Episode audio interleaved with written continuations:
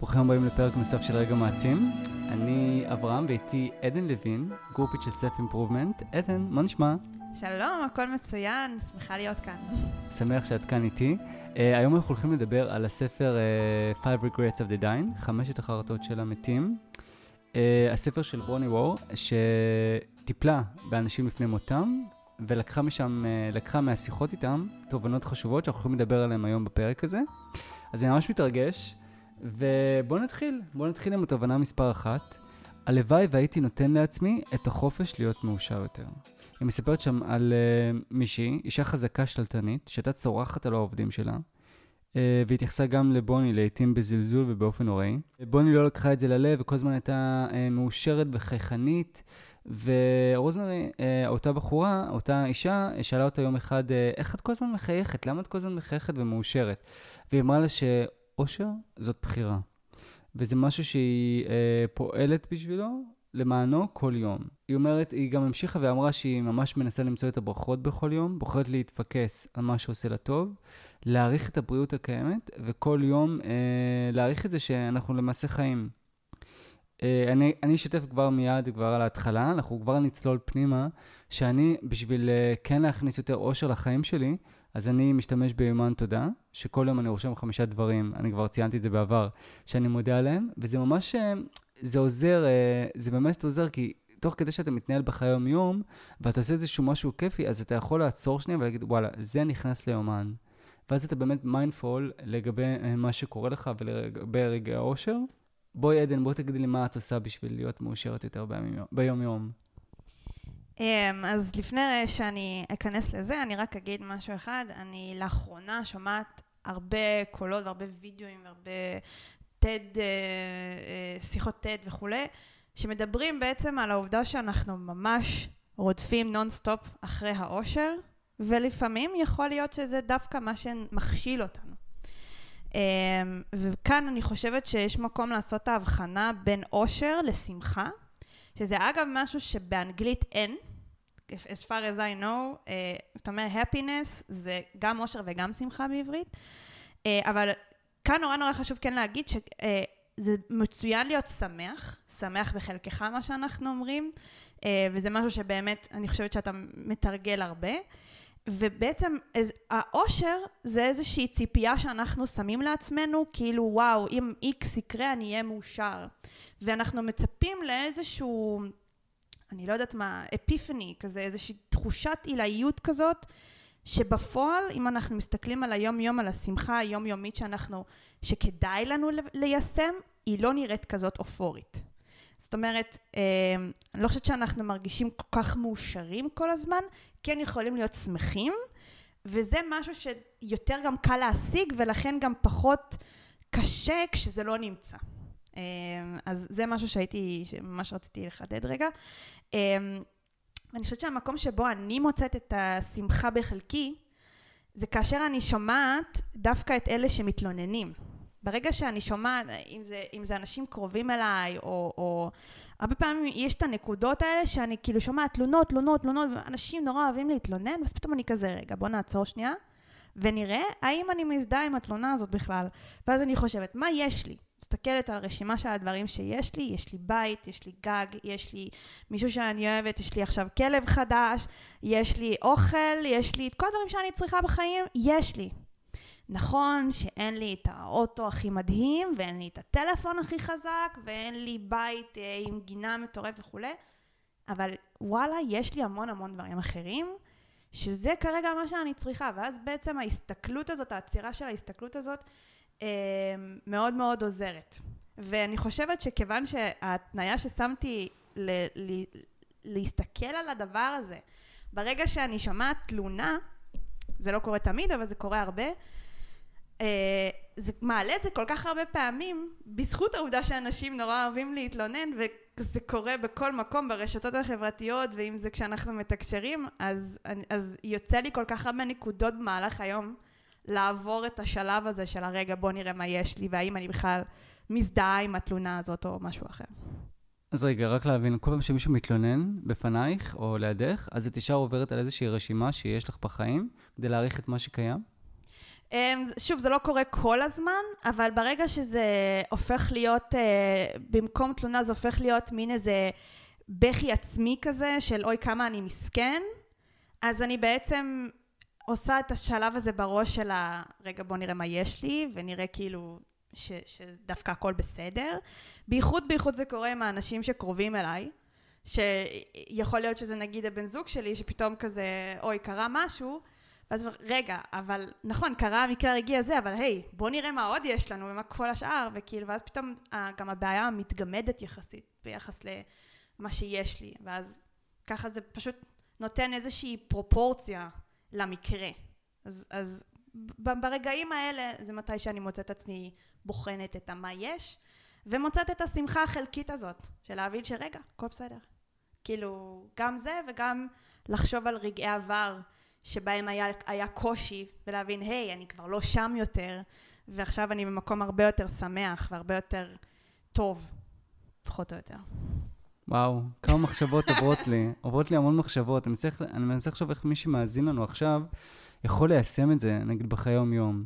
זאת אומרת, קודם כל, לעבור על איזושהי צ'קליסט, אפילו לרשום לך, אה, לרשום לך איזה שהם דברים שאתה אוהב בעצמך, או שאתה אוהב בחיים הקיימים שלך.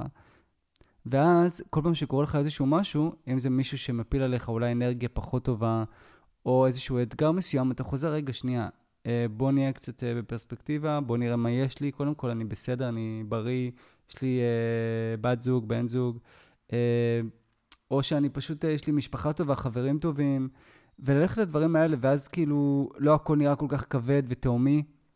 כי אם למדתי משהו מהספר הזה, ובכלל בתקופה האחרונה, ואנחנו נדבר על זה עוד, אהבה עצמית וחמלה עצמית. וכמה זה חשוב כאילו לעצור שנייה ולהגיד, אה, הכל בסדר, אוקיי? לא צריך להגזים עכשיו ולרדת לתאומות. אבל אני כן רוצה להוסיף איזשהו אתגר קטן שיש לי. כי אני כמוך הייתי כל הזמן, נגיד, שמישהו היה בא ומתלונן, ישר הייתי רץ כזה, הכל בסדר, הכל טוב, ממש. אני מדבר איתך על תקופה לפני שלוש שנים, זה מי שהייתי, זו הייתה המהות שלי. הכל בסדר, אופטימי כזה, הכל מצוין. ומה שלמדתי גם בתקופה האחרונה, היא שלא, ודיברנו על זה כבר בעבר, שכשמישהו בא אליך ואומר לך, תקשיב, כואב לי, קשה לי, האמפתיה הנכונה ביותר היא תהיה כשאתה עוצר ואתה אומר לו, נכון, זה לא קל, נכון, זה מאתגר, אה, ולא ישר נגיד, אני, אני, אני פשוט הפסקתי עם זה, ולא ישר נגיד להגיד, הכל יהיה בסדר. כי עכשיו הבן אדם, מה שהוא צריך, ולפעמים גם אני צריך את זה, שלא יגידו לו הכל יהיה בסדר, לפעמים הוא רק צריך ש... אוקיי, בסדר, זה לא קל עכשיו, אני מבין, ואני איתך, ואני, ואני שומע אותך.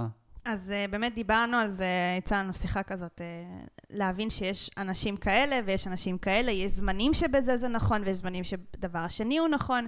בעצם אני עושה את ההבחנה בין um, להגיד מתי אתה לא לבד, זאת אומרת להבחין שהבן אדם צריך את ה...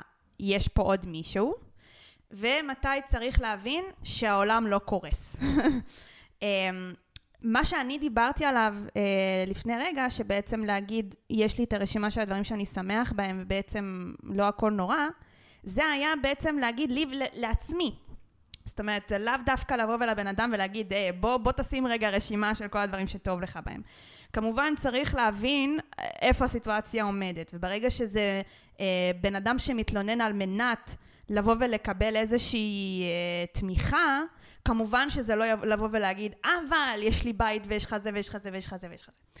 אה, אבל אני בן אדם שבאמת רוב הפעמים הנחמה שלי עם עצמי היא באמת להבין מה כן יש לי ולהבין שבעצם לא הכל אה, אה, הולך לקרוס.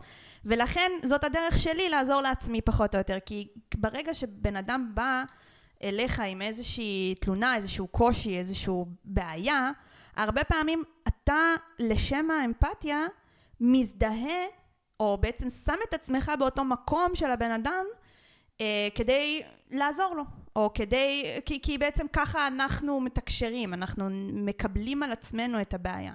בגלל זה לפעמים מקומות כמו מוסדות פסיכיאטריים, בתי חולים, בתי אבות וכולי, מאוד מקשים נפשית על אנשים, כי בעצם הם, הם סופגים אליהם את המקרים האלה. אה, ובעצם פה זה המקום שבו אני תורמת לעצמי עם עצמי כדי לא ליפול יחד עם הבן אדם, אלא שאני אוכל להיות בנקודה החזקה שלי כדי לתת את התמיכה לבן אדם השני. משם בעצם זה נובע מה שאמרתי. Mm-hmm. תגידי, את נופלת הרבה? מה הכוונה? הכוונה היא שכשמישהו בא אליך ואומר לך שקשה לו, או שהוא... כי אני, אני מסתכל על עצמי, וישר אני כזה חושב, אוקיי, מה הדרך הנכונה? כי אני, אני בתקופה האחרונה מזדהה, מזדהה באופן מלא, ואני עם הבן אדם, בכאב שלו. אם הוא שואל אותי מה אתה חושב, אז אני יכול להציע לו איזושהי עצה, ולחשוב, ולהציע מה אני, מה אני חושב שיעזור, אבל בדרך כלל אני שם בשבילו, או בשבילה. ואני שואל אותך, כאילו, כשהם, כשהם פונים אלייך והם מביעים את הכאב שלהם, בדרך כלל את נופלת, את כאילו, את נופלת מהר? זה מאוד תלוי באופי הבעיה. זאת אומרת, אם זה משהו כלכלי, או זה משהו אה, שהוא פתיר, מה שנקרא, או איזושהי בירוקרטיה שאפשר להסתדר איתה, זה לא משהו טרגדי. Um, ברגע שזה איזשהו יחס בין אישי, יחס uh, תוך אישי, משהו בסגנון של בעיות נפשיות יותר, או בעיות, או, או קשיים חברתיים וכולי, שם הרבה פעמים אני מוצאת עצמי uh, מקבלת עליי את הרגש של אותו בן אדם, אם זה עצבים, אם זה אה, באס, הדיכאון וכולי. לא מקבלת באופן מלא כמובן, אבל יכולה באמת לפתח איזושהי קרבה של, ה, אה, של הרגש הזה. לא יודעת אם הייתי קוראת לזה נפילה, אבל ההזדהות לפעמים היא הרבה יותר מסתם לה, אה, להבין. זה באמת יכול להיות איזושהי קבלה על עצמי של הרגש הזה. אמ, וזה משהו שיש להרבה, להרבה אנשים, אמ, אני חושבת רגישים, או כאלה שבעצם אה, אה, יודעים לעשות את האמפתיה הזאת בצורה מאוד מאוד חזקה, לא יודעת אם זה טוב או לא טוב, זה כבר, איזה, זה כבר משהו אחר, אבל מציאותית זה קורה. אמ, ו, ואני לא חושבת שזה קורה לי הרבה, כמו שזה פשוט, אה, כשזה קורה מאוד מאוד חזק, אז זה יכול מאוד להשפיע. אבל ברגע שיש את הדרכים להתמודד עם זה מהר, אז אתה לא חווה את, ה, את הקושי באותו רגע. יכול להיות שאחר כך תוכל לעשות אה, בפרספקטיבה להבין, וואו, כאילו הייתי איתו באותו רגע, אבל מהר מאוד אתה משנה את, ה, את ה mindset, ו, ו, ובעצם נותן לבן אדם את המקום שלו, וגם על הדרך מנסה לעזור. ככה אני רואה את זה. אז למעשה, אם אני מסכם את זה, תוך כדי כשב, כש, כשיש לך איזשהו מישהו שבא לך עם כאב מסוים, הזדהות ואמפתיה הם חשובו, חשובים, אבל אה, יש איזושהי אפשרות כדי שלא תיכנס גם כן אתה לתהום הזה, אז לעשות לך איזושהי רשימה, checklist, שהיא בכל מקרה טובה לכל מצב. תזכור מה טוב בחיים שלך ומה אה, עושה אותך מאושר ביום-יום, כרגע בהווה. זה, זאת השיטת עבודה שלי כדי בעצם להתעלות מעל הרגש הזה לרגע ובעצם להיות שם בשביל הבן אדם האחר. אני מאמינה שכל בן אדם יש לו את השיטה שלו וצריך להבין מה, מה הדרך הנכונה לכל אחד. מצוין. עכשיו, אני ממש מתרגש כי אני רוצה להתחיל uh, להפיץ ולקרוא ציטוטים, כי היא כותבת מעולה, ברוני. Uh, אני רוצה ממש להתחיל ולצטט איזה שהם כמה ציטוטים uh, מה... מה, מהספר. בואו נספר על החרטה, אה, הרצון אה, להיות, אה, לתת לעצמי את החופש להיות מאושר יותר, אז אני אספר גם, אני אשתף, שברוני חלתה בדיכאון, והיא הייתה אובדנית, והיא באמת הייתה אה, ממש רגעים לפני מותה, לפני זה שהיא באמת אה, התאבדה. ואז היא כותבת כמה לקחים מההתמודדות שלה, שאני הייתי שמח גם כן לשתף. ולהביא אז כמה דברים שעזרו לה במהלך ההתמודדות עם הדיכאון. אה, מדיטציה. מדיטציה, ואני רוצה לקרוא את הציטוט, מה שהיא אומרת כאן, שהיא ממש טועה איך, איך מישהו יכול בכלל להתמודד עם דיכאון בלי מדיטציה. Uh, היכולת בעצם במדיטציה uh, לתצפת על המחשבות שלי ולהבין שהם לא uh, כל מי שאני, היה ממש איזשהו uh, מקור, מקור מנחם עבורה אה, במהלך ההתמודדות עם הדיכאון. מה דעתך לגבי זה? כי אני יודע שבזמן האחרון את גם אה, עושה mindfulness. Um, כן, אני חייבת להגיד שעד לא מזמן בכלל לא הבנתי מה בעצם כל הקונספט של מיינדפולנס, מה, על מה הוא מדבר, ורק uh, מכיוון שהייתי ממש זקוקה לו, וזקוקה להבנה הזאת, אז באמת uh, שם הצלחתי אה, לגלות את זה בזכות הפודקאסט ששיתפת אותי של אה, כאן 11, של אה, קשיבות. מאוד מאוד ממליצה עליו. שם ממש הסבירו מה זה אומר, מה זה אומר, מה, מה יש לצפות ומה הכוונה. ובעצם, אה, אם נסכם את זה, זה לא אה, לשלוט בעצמך, אלא להיעזר בשליטה או בהתרכזות בכאן ועכשיו, לשם הירגעות, או לשם אה, קבלת פרופורציות, אה, או לשם השקטה של הראש. בעצם מאוד מאוד מועיל, כדי בעצם להבין שמה שקורה עכשיו זה מה שקורה עכשיו ולא מה שיקרה גם בעתיד ולא אה, להתחיל לפתח את הדבר הרגעי הזה להיות משהו מאוד מאוד גדול שהוא בעצם לא. ו, ופה בעצם היא מדברת על העובדה שהדיכאון זה לא uh, here to stay forever, לא כאן להישאר לנצח, אלא בעצם זה מה שקורה כאן ועכשיו, זה מה שצריך להתמודד איתו, וזהו, זו התמודדות של כאן ועכשיו, זה לא להפוך את זה למשהו שהוא לא, למשהו שהוא מאוד גדול וקשה. היתרונות של המדיטציה זה שאתה באמת בוחן את המחשבות שלך, וכשבאה המחשבה, אתה לא ישר כועס על עצמך, אוי, למה אני חושב ככה, או למה ככה, אתה פשוט מקבל אותם. וואי, יש שיר מדהים של אה, מלון אורחים. אני ממש ממליץ, אה, שסופר, אה, שגם כן מופיע בפודקאסט של קשיבות, מלון אורחים, שאני ממש ממליץ כאילו לקרוא אותו. אתה נותן למחשבות האלה להיכנס, ואתה מארח אותם, אתה לא זורק אף אחד, אתה מעריך אותם, כי ככה אתה יכול באמת להתמודד איתם הכי טוב.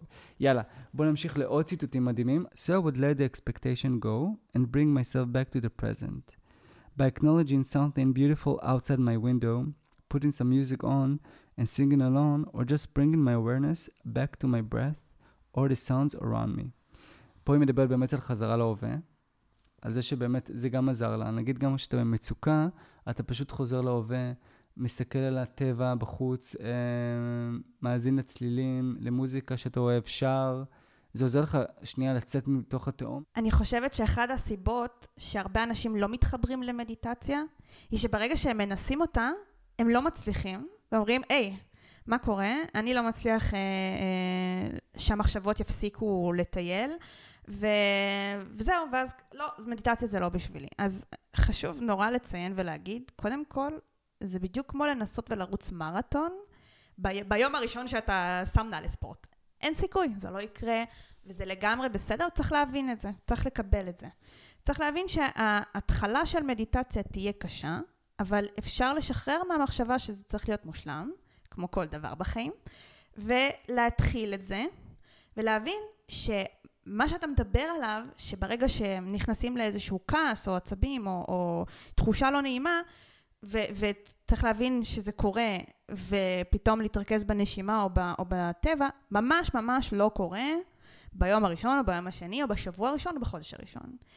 התרגול שאנחנו עושים באופן, אה, מה שנקרא, אה, אה, אקטיבי, הוא לשם כך שביום מן הימים, עוד חודשיים, עוד שלושה, עוד חצי שנה, זה יוכל לקרות באופן טבעי.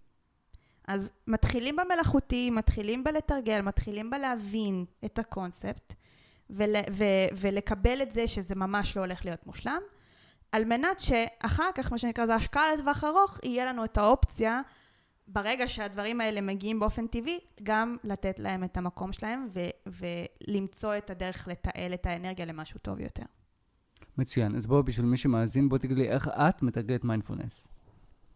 אמ, אז יש אלף ואחד וידאוים ביוטיוב או אפליקציות ו- אה, ו- וכולי וכו'. אמ, אני אבל באה תמיד בחשיבה שזה בסדר אם, אם המחשבות ברחו לי לאנשהו, חד משמעית זה בסדר.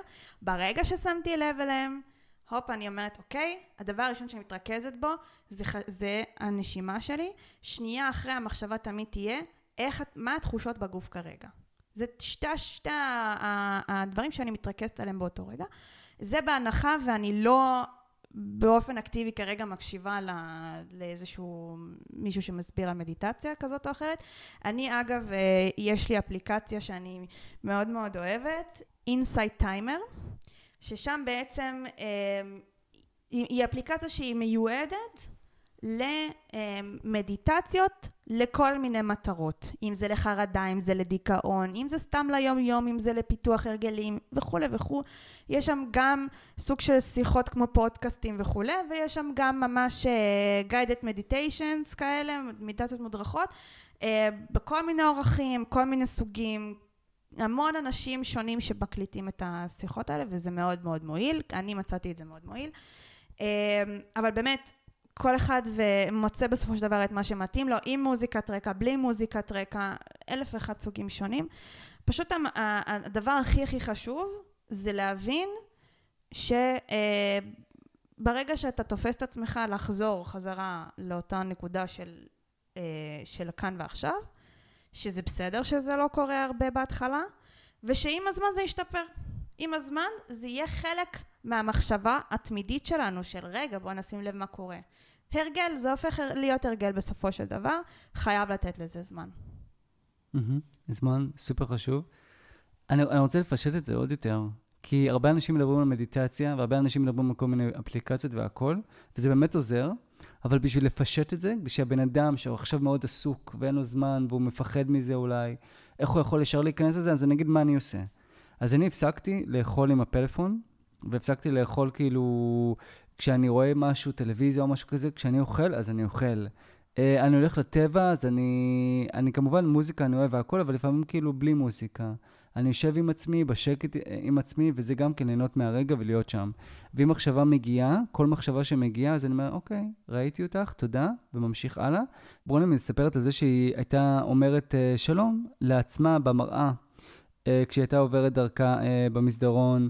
והיא הייתה כל פעם דואגת לזה שהגוף שלה היה, אה, לטפח את הגוף שלה, אם זה אומר עם אמבטיות ועם אה, מזון טוב, אה, שגרמו גם כן להתערות אה, רוחנית ונפשית ופיזית. היא אומרת, depression was a, a determined opponent.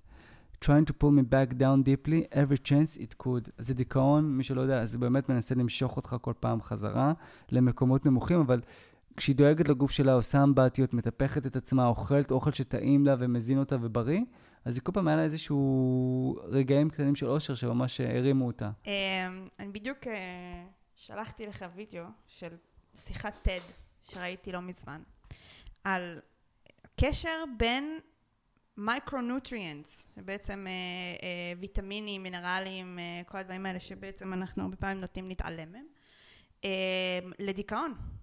ומסתבר שבמחקר שעשו נתנו כמות הרבה יותר גדולה של ויטמינים אה, לקבוצה מסוימת שהייתה עם דיכאון. אה, אני מדברת ממש ברמה של הרבה יותר מכמה שיש בכדורים שקונים mm-hmm. בסופר וכולי. למשך זמן, וראו מה קורה באמת לרמות הדיכאון שלהם, והם הראו לא רק שיפור משמעותי מעל 50 אחוז ברמת הדיכאון, אלא גם לאורך זמן, וגם מה קורה אחרי שהם בעצם חוזרים חזרה לתזונה רגילה, והראו שהשיפור לעומת למשל כדורים אה, קליניים הרבה הרבה יותר משמעותי ומתוחזק לאורך הרבה יותר זמן. זאת אומרת שבעצם באמת רואים הרבה פעמים את הקשר בין תזונה לבין מצב נפשי, מצב מנטלי. אמ, יש אגב גם ספר אה, מאוד מדהים שנקרא תחושת בטן, ששם בעצם אה, מדברים על איך המעיים שלנו הם באמת המוח השני, ושם אם, אם משהו לא בסדר במעיים, אין סיכוי שמשהו יהיה בסדר אה, גם מצבנו הנפשי, ואני בטוחה שכולם חוו את זה מתישהו בחיים שלהם, שברגע שמשהו קורה בבטן, אז אי אפשר להיות שמחים, פשוט אי אפשר, זה ממש ממש קשה. אז אני חושבת שיש המון המון המון קשר בין תזונה ובין אה, איך הגוף מרגיש עם עצמו למצב הנפשי. אני חושבת שזה באמת, אי אפשר, אי אפשר להפריד ביניהם. Mm-hmm, תזונה וגוף. אני ממש מצטרף, ממש אבל מצטרף להמלצה לספר תחושת בטן.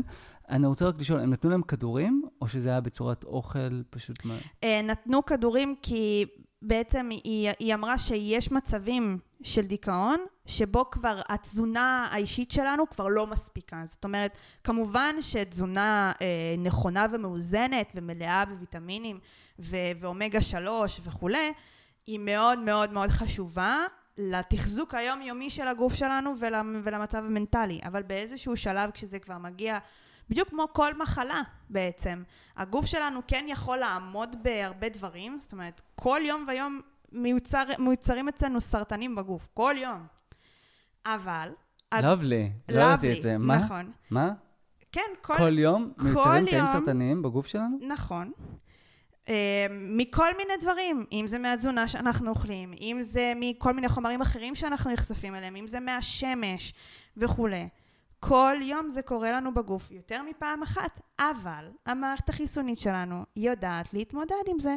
ברגע שאנחנו מתחזקים מערכת חיסונית בריאה, הרבה מאוד מהדברים שאנחנו מכניסים לגוף או נכנסים לנו באופן לא רצוני לגוף, אה, יכולים בעצם אה, להיפטר. כל דלק, דלקת קטנה, אה, דברים כאלה, נפתרים גם בעצמם. אבל לפעמים זה מגיע למצב שהגוף לא יכול להתמודד. פתאום הסרטן יתפתח ליותר ממשהו, אה, ממשהו קטן. פתאום יש איזשהו חיידק שלא משנה כמה הגוף שלנו יהיה חזק, הוא לא יכול להתמודד איתו לבד.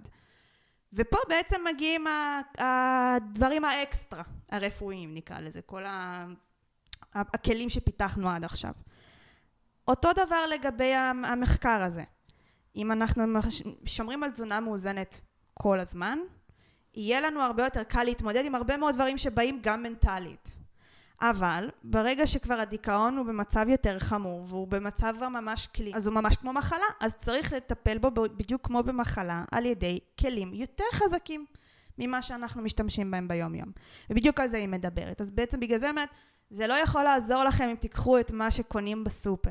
מדברים פה על רמות הרבה יותר גבוהות, על, על ריכוזים הרבה יותר גבוהים. אמ, אבל היא כן אמרה שם, כמובן שיש את הדברים שהם מאוד מאוד חשובים לגוף, כמו אומגה 3. יש לנו אפשרות לקנות כדורים של אומגה 3 או לאכול אה, תזונה שהיא עשירה באומגה 3. זה יכול מאוד מאוד מאוד להקל על המוח שלנו. אגב, 20% מהמוח שלנו זה אומגה 3. הידעת.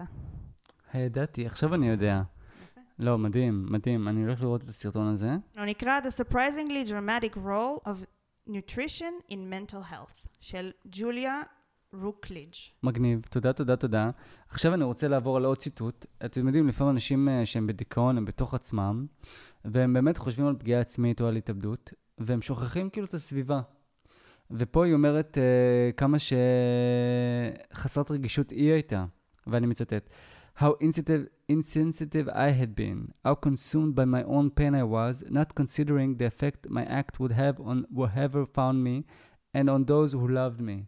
לפעמים כשאנשים באמת בתוך דיכאון, וזה אחד הכלים להתמודד, להזכיר למי שמתמודד עם דיכאון, שיש אנשים שאוהבים אותך, וכשאתה פוגע בעצמך, או שאתה עושה איזשהו מעשה שלא יעשה, אז אתה בעצם אה, פוגע בהם פגיעה חמורה, פגיעה חמורה, ואולי זה יכול באמת לעזור לך לא להגיע למעשה אה, הנוראי ולהתאבד.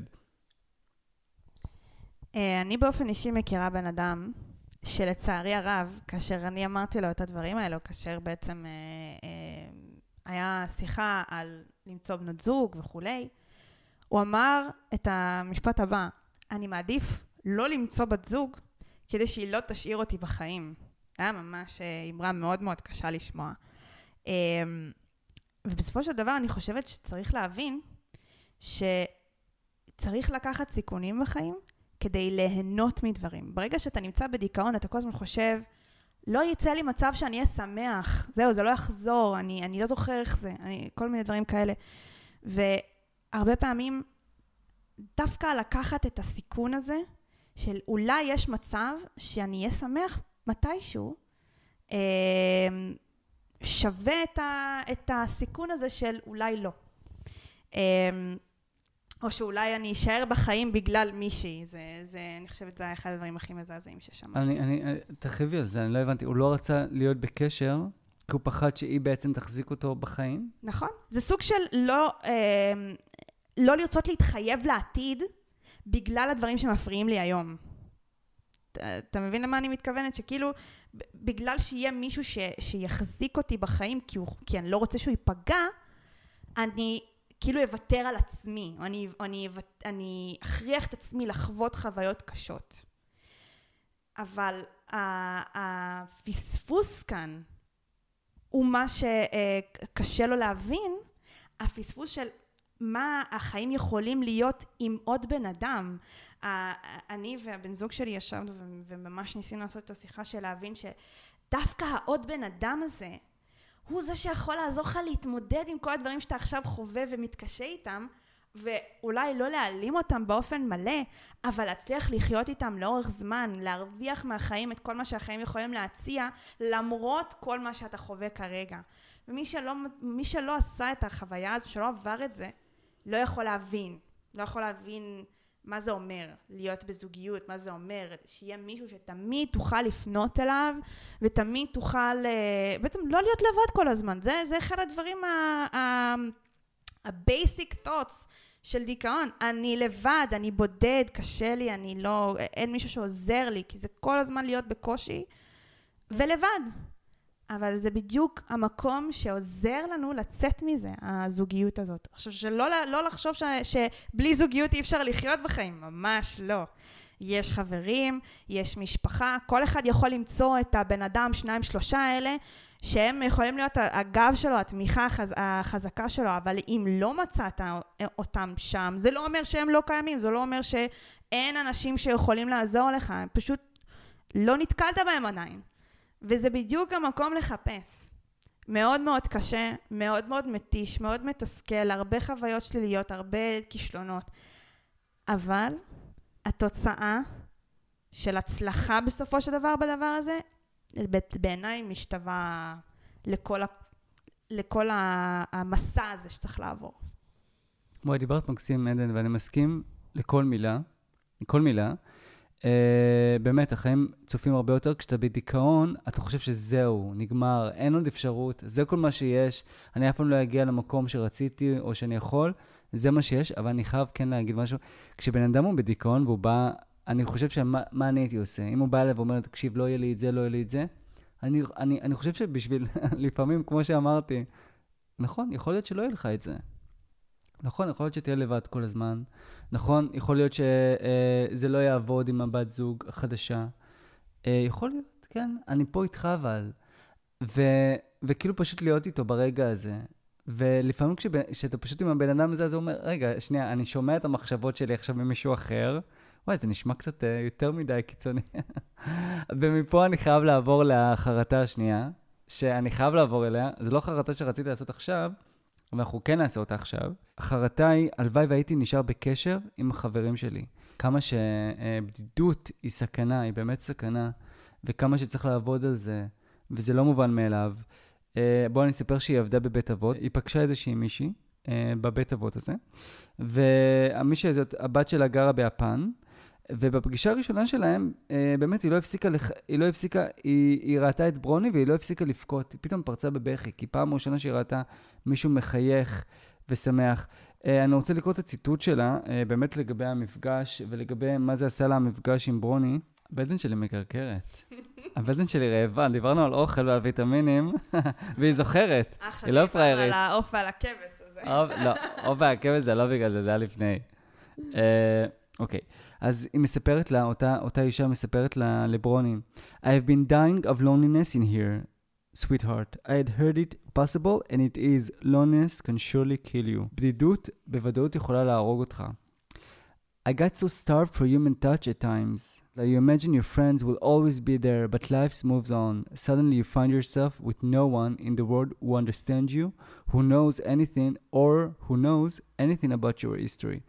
אתה מדמיין שהחברים שלך כל הזמן יהיו שם, אבל החיים ממשיכים הלאה. פתאום אתה מגלה את עצמך בלי אף אחד שמבין אותך, או שיודע שום, או שיודע בכלל משהו על ההיסטוריה שלך. ואז היא מדגישה, וזה גם חשוב לי להדגיש, loneliness is not a lack of people, it is a lack of understanding and acceptance. בדידות זה לא מחסור באנשים, זה מחסור בהבנה ובקבלה. כן, נכון, האמת שאני ראיתי כמה וכמה מחקרים שמדברים על, על ה... קודם כל על הגיל הזה, הגיל של... Uh... 60, 70, 80, והיחס שלו לגבי הכרת אנשים חדשים, אה, יצירת חברויות וקשרים, ובכלל אופי, אופי הקשרים בגילאים האלה.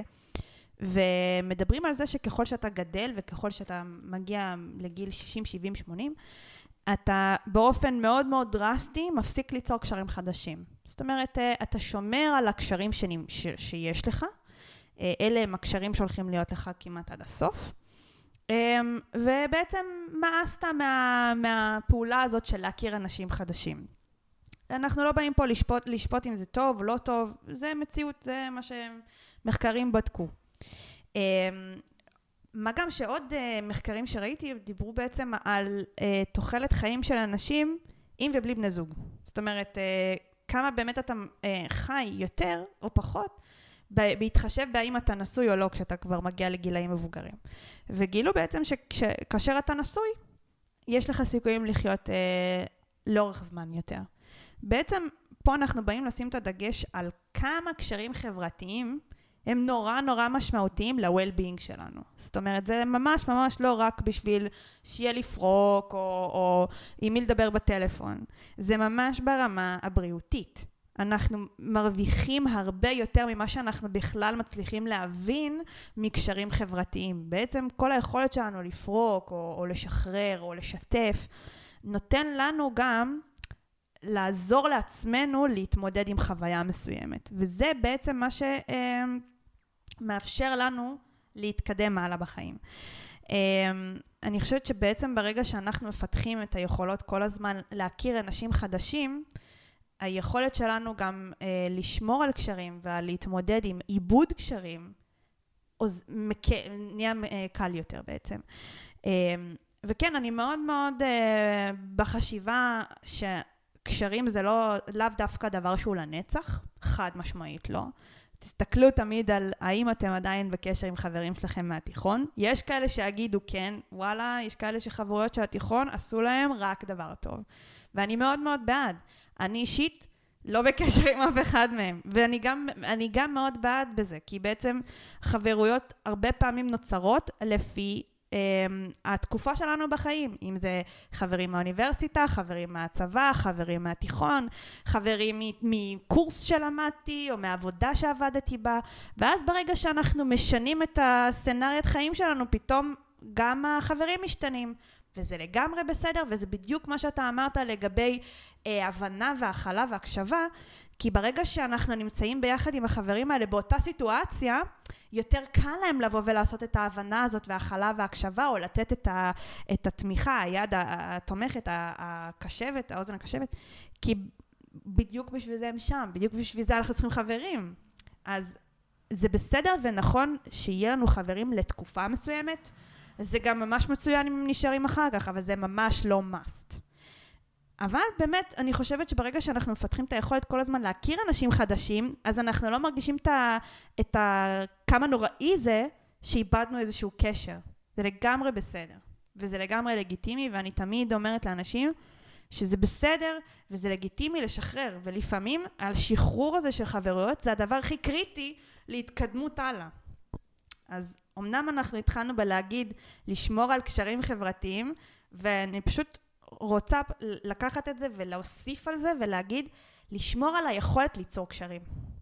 לשמור על זה כי זה גם עוזר לנו מוחית, זאת אומרת, אני חושבת שזה תמיד משאיר את המוח שלנו ער, כי כמו שאנחנו אה, נשאר ערים כדי לחפש מזון, אנחנו גם צריכים לחפש את המזון לקשרים אה, חברתיים. אמ, אז תמיד להשאיר את זה על האש, ולהבין שזה בסדר שגם חברויות נגמרות, פשוט לא לקבל את זה כגזירת חיים. יש אחרי זה אפשרות ליצור קשרים חדשים. איך את יוצרת קשרים חדשים? או-הו. אמ, אני מאוד משתדלת בעזרת הרשתות החברתיות אמ, להיות בקבוצות של אנשים שהם דומים באיזשהו נדבך בחיים שלי אה, אליי. אם זה תחומי עניין שלי, אם זה העובדה שעברתי אה, למדינה אחרת, ובעצם אה, היכולת להזדהות היא בעצם העובדה שאנחנו כולנו לא מקומיים. אה, באמת, אני לוקחת נקודות בחיים שלי ונדבכים בחיים שלי ונעזרת בהם למצוא את החברים שלי. ואני יכולה להגיד שאני באמת בשנה יכולה לעשות שיחות עם מעל 100 אנשים חדשים ולשמור על קשר עם שלושה מהם.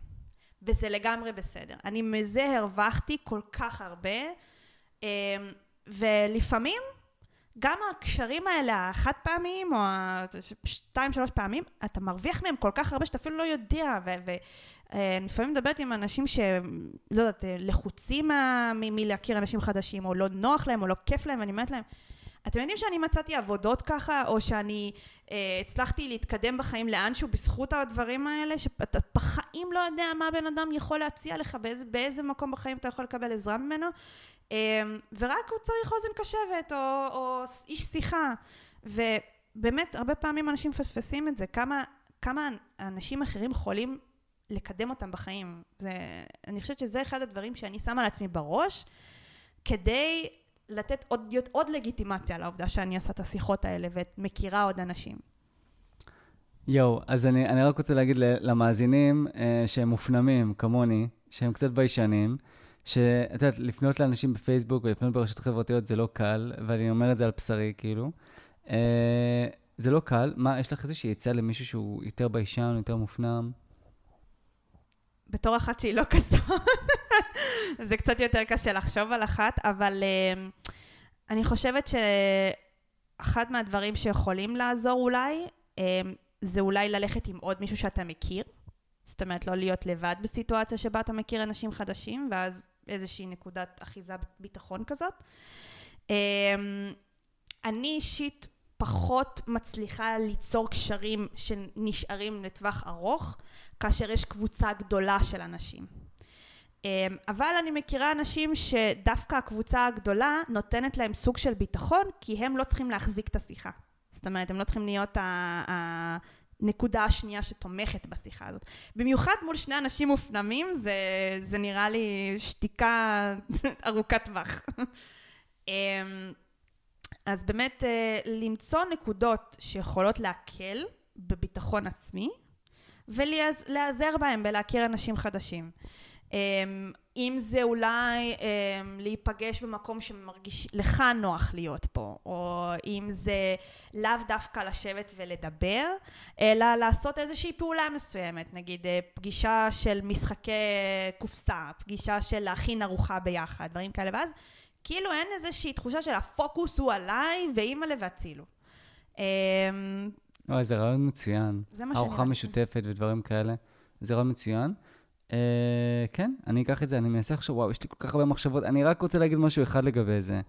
אני, אני כאילו מה שאני עושה, ואני חושב שזה עוזר לי מאוד. אף פעם אל תגידו לסיטואציה חברתית, במטרה, אוקיי, היום אני הולך לצאת מפה עם חברים, אוקיי? כי כשאתה מגיע במחשבה הזאת וזה לא עובד, ואתה כאילו מנסה למצא חן מעיני כולם, אתה מרגיש שרק כשאתה בא במטרה ליהנות, פעילות משותפת, ארוחה משותפת, טיול משותף, אתה האמיתי שלך, ואנשים אוהבים את זה, ואתה שם, ואתה ברגע, ואתה לא נלחץ מאיזושהי מילה שאמרת או משהו כזה, אתה פשוט שם ואתה נהנה. ואז אנשים באמת מתחברים אליך בצורה הזאת, זה מה שלמדתי וזה מה שאני מציע גם למי שמאזין.